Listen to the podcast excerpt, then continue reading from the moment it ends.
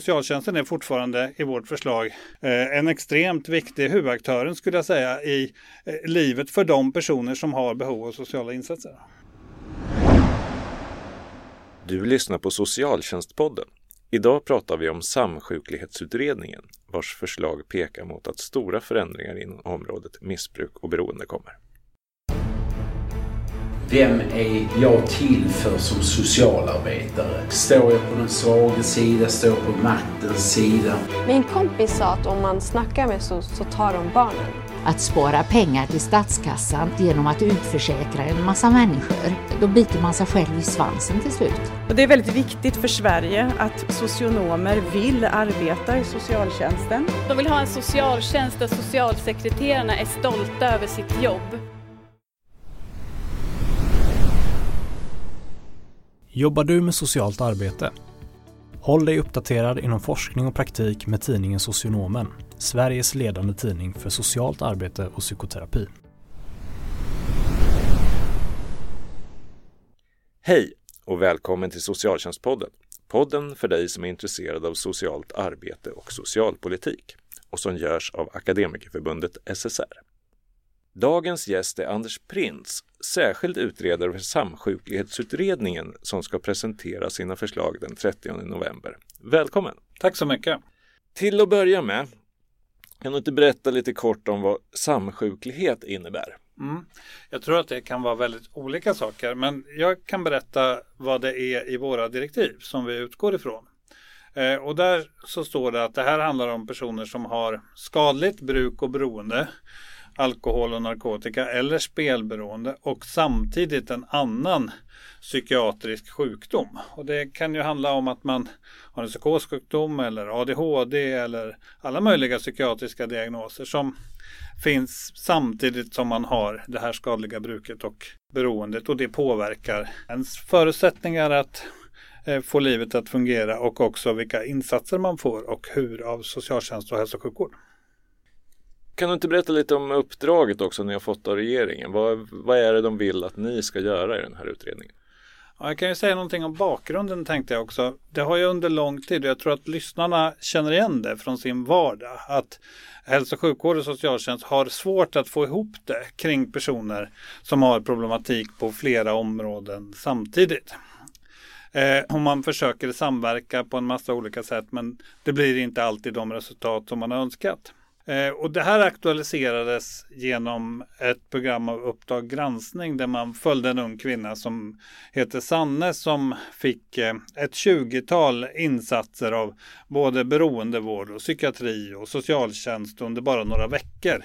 Och far väldigt illa visar man i det här programmet med lite tvångsvård och lite HVB och eh, öppenvårdsinsatser som på olika sätt eh, försöker få ihop det. Men det man konstaterade där var att det är egentligen ingen som gör fel enligt den ansvarsfördelning vi har idag. Utan systemet är uppbyggt på ett sätt som inte är optimalt för den här gruppen. Och då fick vi i uppdrag att se över att lämna förslag som bidrar till ökad samordning, bättre personcentrering, mera behovsanpassning när det gäller den här målgruppen. Och då handlar det ju bland annat om eh, vilket ansvar ska socialtjänst respektive hälso och sjukvård ha? Hur ska de samarbeta? Hur ska det hänga ihop? Så huvudmannaskapsfrågan är väl lite av vårt huvudnummer. Nu är ju ni, eller rättare sagt du, har ju valt en, en eh, ovanligt sätt att jobba på. Du har, har gjort publikt de förslag ni, ni håller på att processa fram nu. Så att jag har ju tagit delen av en, av en del av de här redan eh, och det kanske några av lyssnarna också har. Eh, men jag tänker att om du får nämna de viktigaste förslagen som ni planerar att, att eh, lägga den 30 november, vilka är det? Mm. Då är ju ansvaret för det vi idag kallar för missbruks och beroendevård. Det är ju som jag sa då huvudfrågan och där kommer ju vi föreslå att eh, regionernas hälso och sjukvård får ansvaret för alla behandlingsinsatser när det gäller skadligt bruk och beroende. Och då ingår ju också psykosociala behandlingsinsatser som idag i hög grad, men inte bara, drivs eh, av socialtjänsten. Den frågan är en stor fråga och den gäller ju enligt vårt förslag då hela området missbruk och beroende och inte bara samsjuklighetsgruppen. Det andra eh, förslaget som kommer att påverka arbetet är att vi föreslår att regioner och kommuner ska vara skyldiga att bedriva en helt gemensam verksamhet. Där man sitter på samma ställe och åker i samma bilar när det gäller en mindre grupp personer som är de som har det allra svårast i vårt system. Det är nästan så att det är systemet som är det största problemet och kanske inte de. Eh, som inte fixar att komma på vissa tider och som inte klarar av SIP-möten och som eh, behöver ett system där man har alla insatserna på en på ett ställe. Man pratar ju om case management och sådana team och vi tänker att det ska finnas en sån samordnad vård och stödverksamhet. Här ska man bedriva socialtjänst och hälso och sjukvård till den här gruppen tillsammans. Psykiatri, beroendevård, boendestöd, sysselsättningsinsatser, hela alltihopa i ett enda paket. Eh, det är det andra förslaget som jag tycker är eh, bland de största och viktigaste.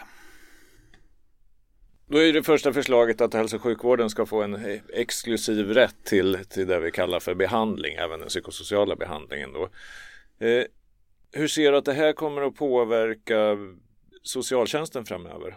Ja, dels så ska jag säga någonting om varför vi tänker på det sättet och då är, handlar det väldigt mycket om att den psykiatriska samsjukligheten i den här gruppen är så stor. Eh, det är närmare 60 procent av de som de senaste två åren har tagit emot insatser av regionernas beroendevård som också har tagit emot psykiatriska insatser. När man skriver in eh, klienter på SIS så är det ju en stor majoritet som har allvarlig psykiatrisk problematik, både bland kvinnor och män och särskilt bland kvinnor. Så det här är ju verkligen ett huvudproblem. Eh, att man inte på ett bra sätt har kunnat möta beroende och psykiatrisk sjukdom samtidigt. Och det är ju eh, frågor som handlar om hur man diagnostiserar och utreder och vilka behandlingsinsatser man ger. Så det är det vi vill åstadkomma. Det som socialtjänsten ska fokusera på och för de personer som har behov av socialtjänst är ju det oftast de viktigaste insatserna. För det är de som handlar om hur man har det i sin vardag och hur man bor och vad man gör på dagarna och vem man har gemenskap med och hur det funkar och familj och sådana här saker.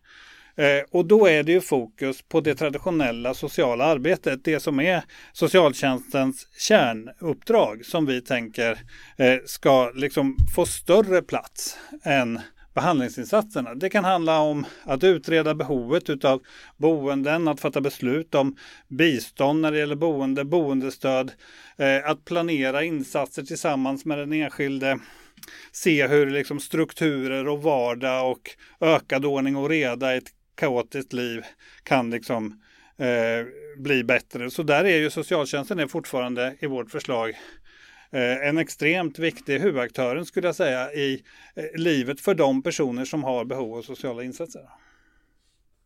De som jobbar med behandling inom socialtjänsten för den här gruppen idag eh, Ser ni i utredningen framför er att, att deras uppdrag kommer att flyttas till hälso och sjukvården eller kommer det jobbet de gör att försvinna? Hur ser ni det där framför er? Försvinna kommer det ju inte att göra jag tror att de som möter personer med skadligt bruk och beroende gör en rad olika saker idag och att de ofta gör saker som med vårt system kommer vara både socialtjänst och hälso och sjukvård. Och man kommer att behöva kvalificerade socionomer som gör utredning av sociala behov och planerar det tillsammans med den enskilde och följer upp de insatser som man har satt in för att man ska få eh, ett liv som fungerar. Eh, så det kommer att behövas personer med den kompetensen och som har erfarenhet av den här målgruppen i socialtjänsten. Sen kommer det också behövas personer som har kunskap om psykosociala behandlingsmetoder. De som rekommenderas i nationella riktlinjer för missbruk och beroende. Och den kunskapen finns i ganska liten grad i regionernas hälso och sjukvård. Den finns framförallt i socialtjänst och den finns också eh, i ganska stor utsträckning i privat verksamhet, till exempel på HVB-hem. Så där kommer ju personer som idag är anställda i kommunal socialtjänst också vara attraktiva eh, om regionen får det här uppdraget. De måste ta på sig det och måste beskriva hur de ska jobba med att ge psykosociala behandlingsinsatser. Då kommer de behöva den kompetensen. Så en del av dem som idag jobbar i kommunal socialtjänst tror jag kommer att jobba i regionen, men inte alla. Och så kommer ju också några finnas i den här verksamheten där man jobbar tillsammans kring den grupp som har de allra största behoven av samordning. Du nämnde ju det här med HVB och att det finns de som jobbar där med, med de här frågorna. De jobbar ju till en, en stor del i alla fall, absolut inte allt, men med behandlingsinsatser eh, idag. Mm. Eh, hur ser ni att HVB-verksamheten kommer att förändras? Mm. Det där är ju en riktigt svår fråga eh, och jag tröstar mig lite med att den är svår för oss men den är också svår för alla andra det är ju den som man oftast får stora konflikter om mellan hälso och sjukvård och socialtjänst. Vem ska betala vad? Eh, och här tror jag också att de personer det handlar om, inte minst barn och unga, ofta far väldigt illa för att man löser inte de här sakerna. Antingen är det så att man inte gör någon placering för att man inte hittar finansiering, men ofta är det väl så att socialtjänsten till slut eh, gör vad man kan och så placerar man den här personen utan att man har gjort någon ordentlig psykiatrisk utredning och utan att man egentligen har liksom bestämt vilka insatser behöver man på grund av sitt psykiska dåligt mående. Ofta betalar också socialtjänsten för den här hälso och sjukvårdsdelen eh, i den här placeringen. Och det här är ju ett system som inte är bra. Det är inte bra för att det är egentligen inte kommunens uppdrag. Det är inte det man ska använda skattebetalarnas pengar till. Men framför allt är det ju inte bra därför att man inte har den kompetensen. Och det är ju det som socialtjänsten säger till mig när jag träffar dem att det här är liksom ett, ett av de stora utmaningarna. Och hur ska man då tänka kring hur det ska se ut i ett nytt system? Då har vi ju gjort en enkät till alla HVB-hem. Vi har gjort en enkät till eh, samtliga kommuner som ungefär hälften har svarat på. Och sen har vi ringt upp några kommuner och frågat dem. Vad är det ni beställer när ni upphandlar HVB-insatser och vad består det av och varför placerar man en person på HVB? Och då får vi ofta svaret att det handlar om att man behöver en strukturerad vardag, att livssituationen är så extremt utsatt med mycket kompisar som finns i drogvärlden och man kanske har en kriminell livsstil. Det är mycket som är stökigt och problematiskt. Man kan liksom inte sätta in behandlingsinsatser eller planera något vettigt för att den här personen befinner sig i en utsatt situation. Man önskar mera struktur på vardagen. Man önskar att man tränar på och övar på samspel med andra, att man bygger upp den typen av förmåga att liksom leva i samhället. Det tycker vi huvudsakligen är socialtjänstinsatser. Så då landar vi till att börja med det här är även fortsättningsvis en socialtjänstinsats. Det vill säga det är socialtjänsten som placerar och beslutar om ett sådant bistånd att en person ska vistas på HVB. Då är, har vi ju kvar den här problematiken jag börjar med. Hur ska hälso och sjukvårdsinsatserna tillgodoses? Både de vi ser idag, det här är ofta personer med psykiatrisk problematik, men också de som vi nu säger är hälso och sjukvård, det vill säga den psykosociala behandlingen. Och då tänker vi att det ska hälso och sjukvården stå för. Eh, och som vi resonerar nu och där är vi inte färdiga så tror vi inte att det räcker med att man säger att det ska de stå för. Utan vi tror att man måste bygga in ett system med betalningsansvar som påminner lite om det som kommunerna har för personer som ligger på sjukhus. Eh, efter att man är utskrivningsklar. Då får kommunen betala på sjukhuset. Ungefär så tänker vi att det ska bli, fast tvärtom då, är regionen som får betala för hälso och sjukvårdsinsatserna på HVB om de inte själva har gjort en planering och satt in de insatserna. Och då hoppas vi egentligen att det där inte ska leda till att det blir så så ofta, utan att det här skapar ett incitament för regioner att vara med i upphandling av HVB och tillsammans placera de här insatserna. Därför att man har ett tydligt också kostnadsberäknat ansvar och då hoppas vi att det underlättar samarbetet kring de här insatserna. Det hade inte du hört förut heller. Nej, det, det hade jag inte. Vad tycker du då? Äh, spännande. Mm. Jag tror ju att man behöver vara fyrkantig eh, i, i den relationen. Eh, för att få det att fungera. Mm. Eh, så att eh, Ja, det där ska bli intressant att få tänka runt. Och vi småpratade lite utanför här och då sa jag till dig att jag tänker att eh, det har ändå varit viktigt för mig att lägga ett förslag här. Och vi inser ju att när man ger sig in på sånt här så finns det massa saker som man kan eh, hitta problem med. Men vi tror att vi måste försöka hitta en lösning eftersom det här på något sätt också är någon stor, ett skynke kring samarbetsfrågorna mellan socialtjänst och hälso och sjukvård. Ja. Och i den dåliga relationen som uppstår ibland så far ju många illa. Ja, Det precis. vet ju alla som är i den här. Både klienter och medarbetare kanske. En koppling till det här är ju tvångsvårdslagstiftningen. Eh, där det ju ofta också handlar om, om placeringar men då på eh, SIS LVM-hem. Eh, jag tänker de här förslagen som ni lägger samlat sådär. Eh, ser ni generellt att de går att genomföra utan att röra tvångsvårdslagstiftningen? Nej, det skulle jag inte säga. Det är ju så att våra direktiv säger ju, som jag inledde med, att vi ska lämna förslag när det gäller samordning och huvudmannaskap. Och det är ju väldigt tydligt. Att man efterfrågar liksom, förslag på hur huvudmannaskapet ska utvecklas. Eh, när det gäller tvångsvården, då står det istället att vi ska analysera för och nackdelar med en integrerad tvångsvårdslagstiftning av LVM och LPT och om möjligt föreslå en väg framåt. Och då blir kanske min slutsats att vi har analyserat det och vägen framåt det måste vara att man omedelbart tar fram lagförslag att någon får i uppdrag att ta fram lagförslag eh, på det här området. Jag skulle ta emot ett sådant uppdrag eh, och se till att det blir en del av den här reformen. För att det blir väldigt konstigt om socialtjänsten har fokus nu på sitt kärnområde Eh, med stöd i vardagslivet och samtidigt ska utreda tvångsvård som i hög grad ändå måste handla om att man har behov av behandling för att man är i en sån situation. Så det måste hänga ihop. Ja, det låter ju högst rimligt. Så. Eh, betyder det också att eh, LVM-vården i sig, som ju är statlig, ser ni att den kommer att förändras också?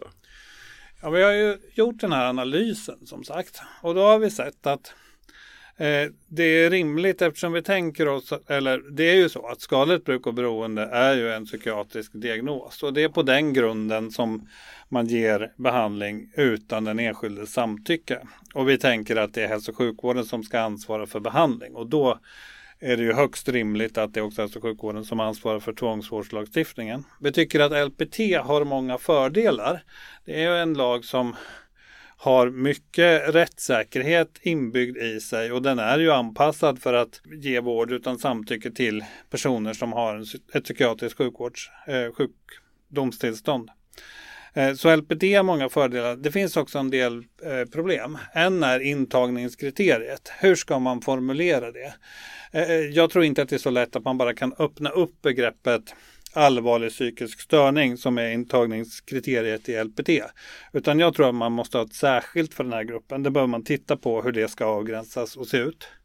Eh, och sen har vi väl tänkt att det finns mycket i den vård som ges på sjukvårdsinrättning som den här målgruppen skulle ha stor nytta av och man skulle kunna utveckla vårdinsatserna, kanske korta vissa eh, vårdtider genom den här insatsen. Men det finns också personer som befinner sig i ett så utsatt socialt läge ofta. Jag har varit på Runnagården och träffat både kvinnor som är intagna där och medarbetarna och det är ju eh, ofta personer som har erfarenhet av alla livets mörkaste sidor sedan de var små, små barn och som lever i en livssituation som det kommer att ta väldigt, väldigt lång tid att få stabilitet och trygghet i och så. Och då tror vi inte, eller jag, att eh, liksom vård på sjukhus under några veckor är tillräckligt. Så då kanske man måste ha någon form för en viss grupp där man kan fortsätta institutionsvård utan samtycke under en längre tid.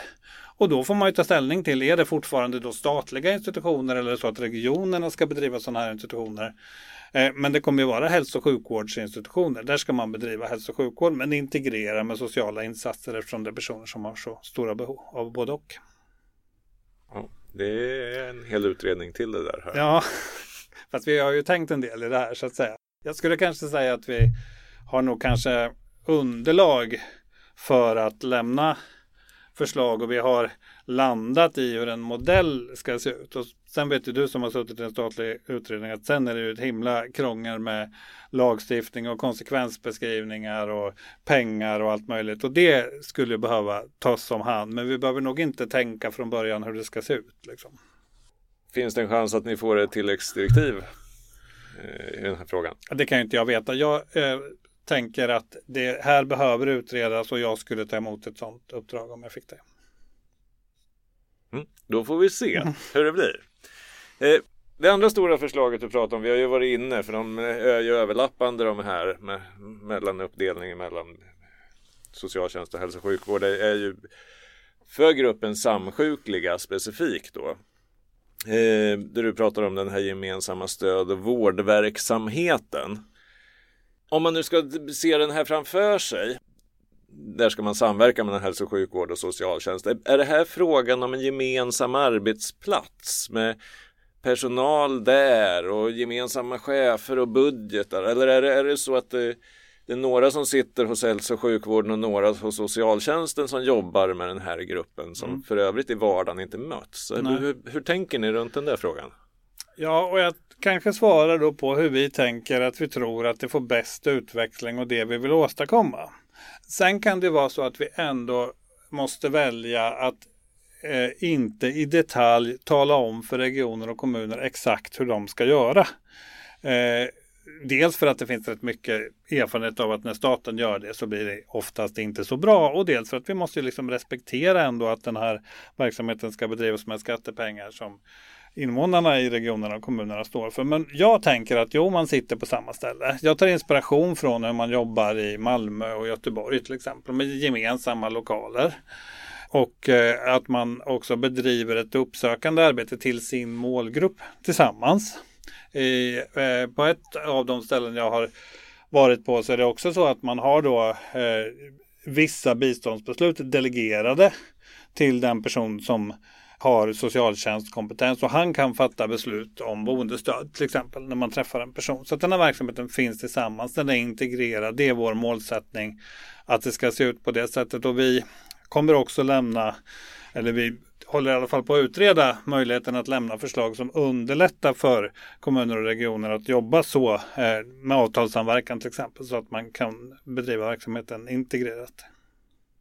Då kan man ju delvis se att, att det kommer nog vara en fördel att tillhöra den här gruppen samsjukliga mot att vara ett gränsfall och mm. inte göra det. Eh, vem kommer att bestämma att man då tillhör den här gruppen samsjukliga och får tillgång till den här gemensamma stöd och vårdverksamheten? Ja, det, där, det är ju massa svåra frågor i det här och det här håller vi ju på att titta på just nu. Så att då svarar jag ju på var befinner vi oss just nu ja. i de där tankarna. Vi ska ju träffa vår expertgrupp där ju du representerar SSR och kanske vi får många bra eh, synpunkter i en annan riktning. Först vill jag säga att personer med samsjuklighet är ju en jättestor grupp och det finns ju många av, i den gruppen som inte har behov av samordnade insatser på det här sättet. Man kanske har eh, ångest, depression och eh, alkoholproblem. Liksom. Där är det ju eh, hälso och sjukvården som ska behandla det gemensamt och man har inga behov av socialtjänstinsatser. Det, det här är en stor och eh, disparat grupp. Det här som vi pratar om med den här särskilda verksamheten, det är ju personer som har behov.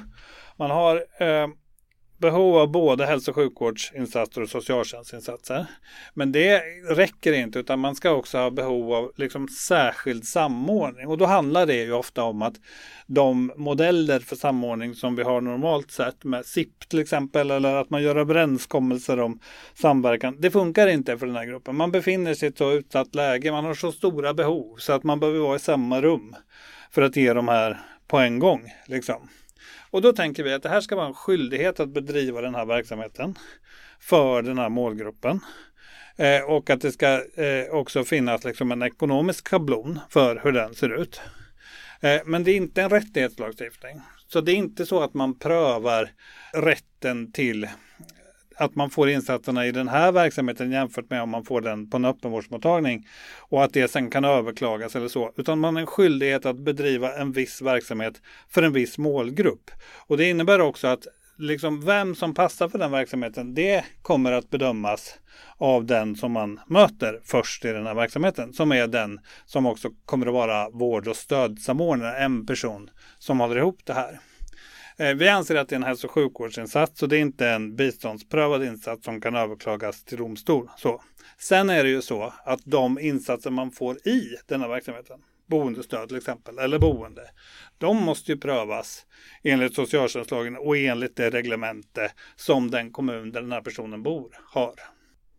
Du var ju inne på det här nu om, om eh, att det är en hälso och sjukvårdsinsats att den då inte kan, kan överprövas av i förvaltningsrätten.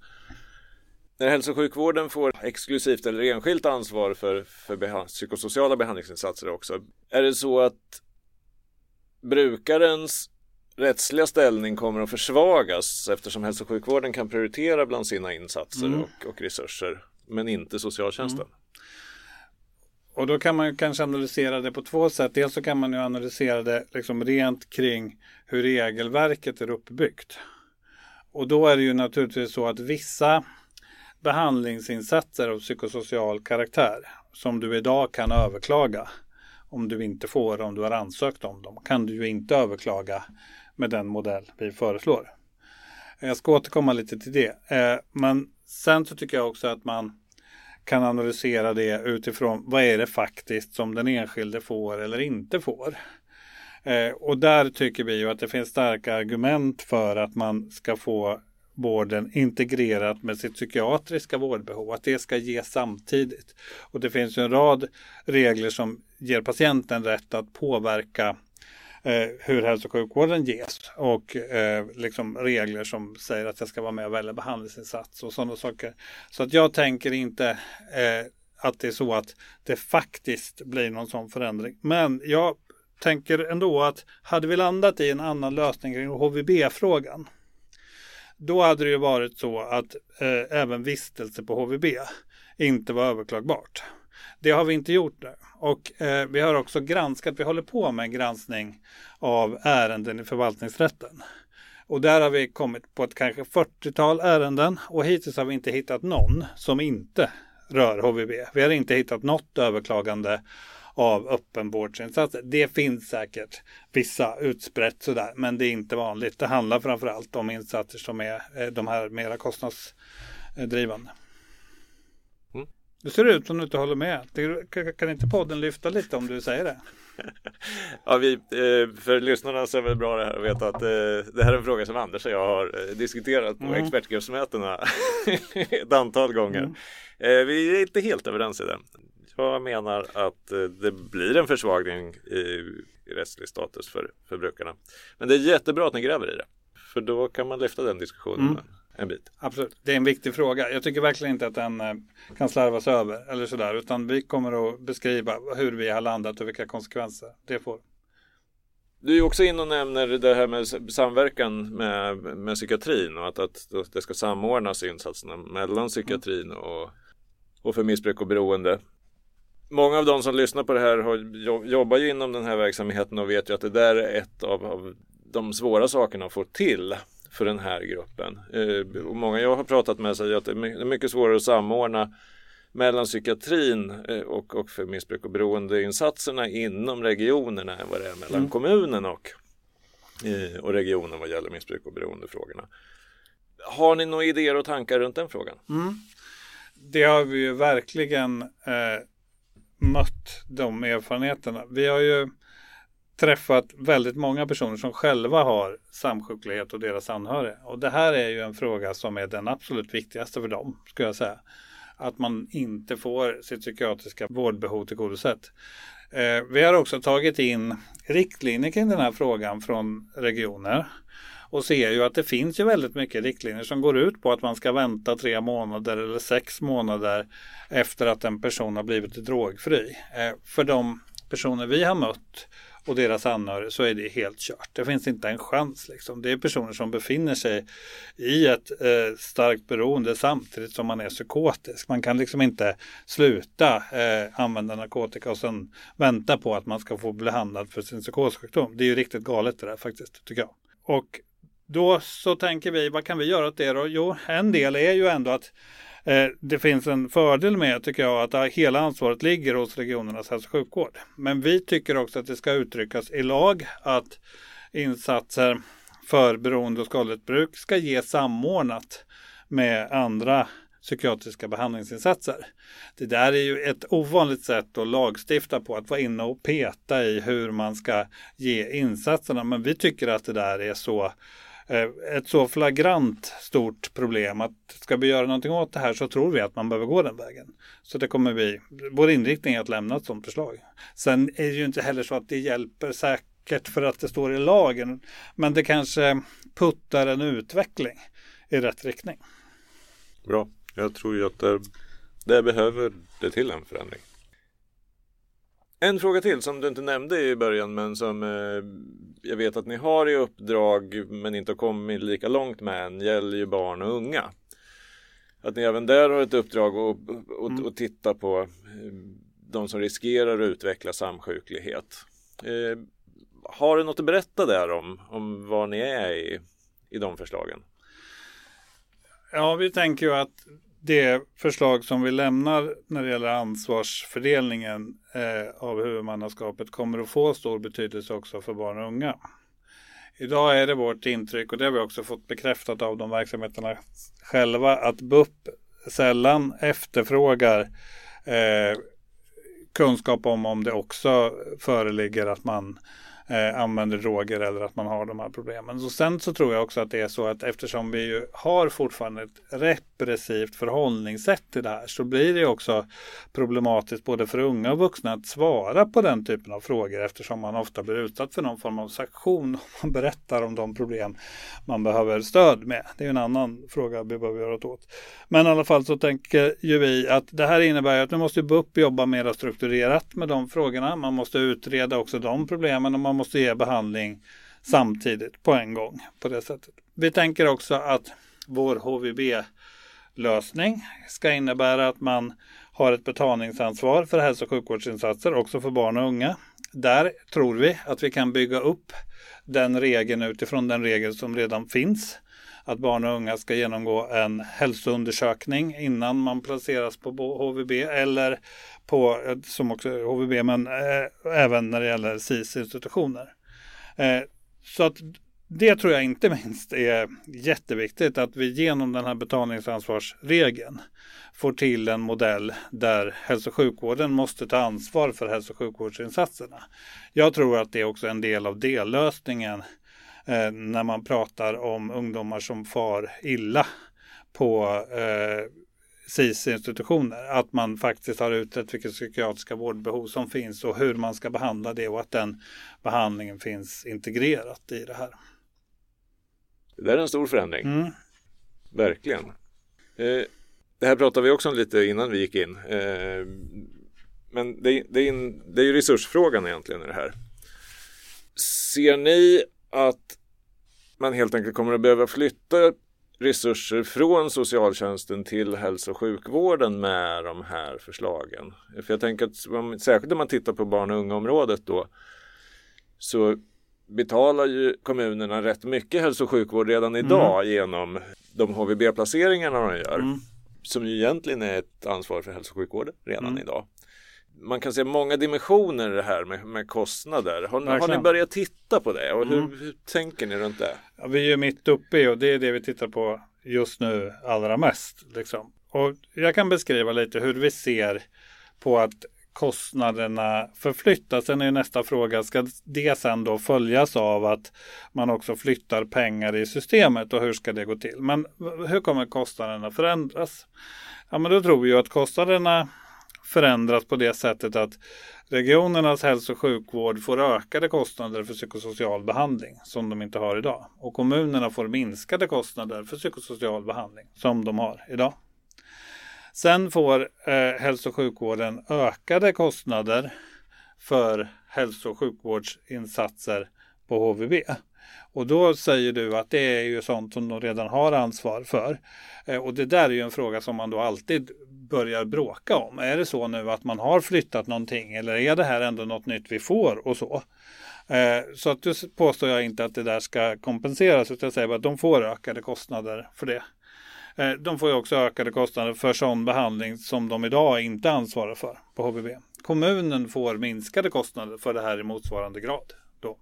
Sen får ju båda verksamheterna kostnader för att bedriva en sån här samordnad vård och stödsamordning. Och då resonerar vi så här, så här långt, eller jag gör det nu i den här podden i alla fall, att de insatser som ska ges där som är liksom psykiatrisk vård och beroendevård och boendestöd och insatser för att jag ska få struktur på min vardag och något att göra och utveckla mina skills på olika områden som handlar om att leva i samhället.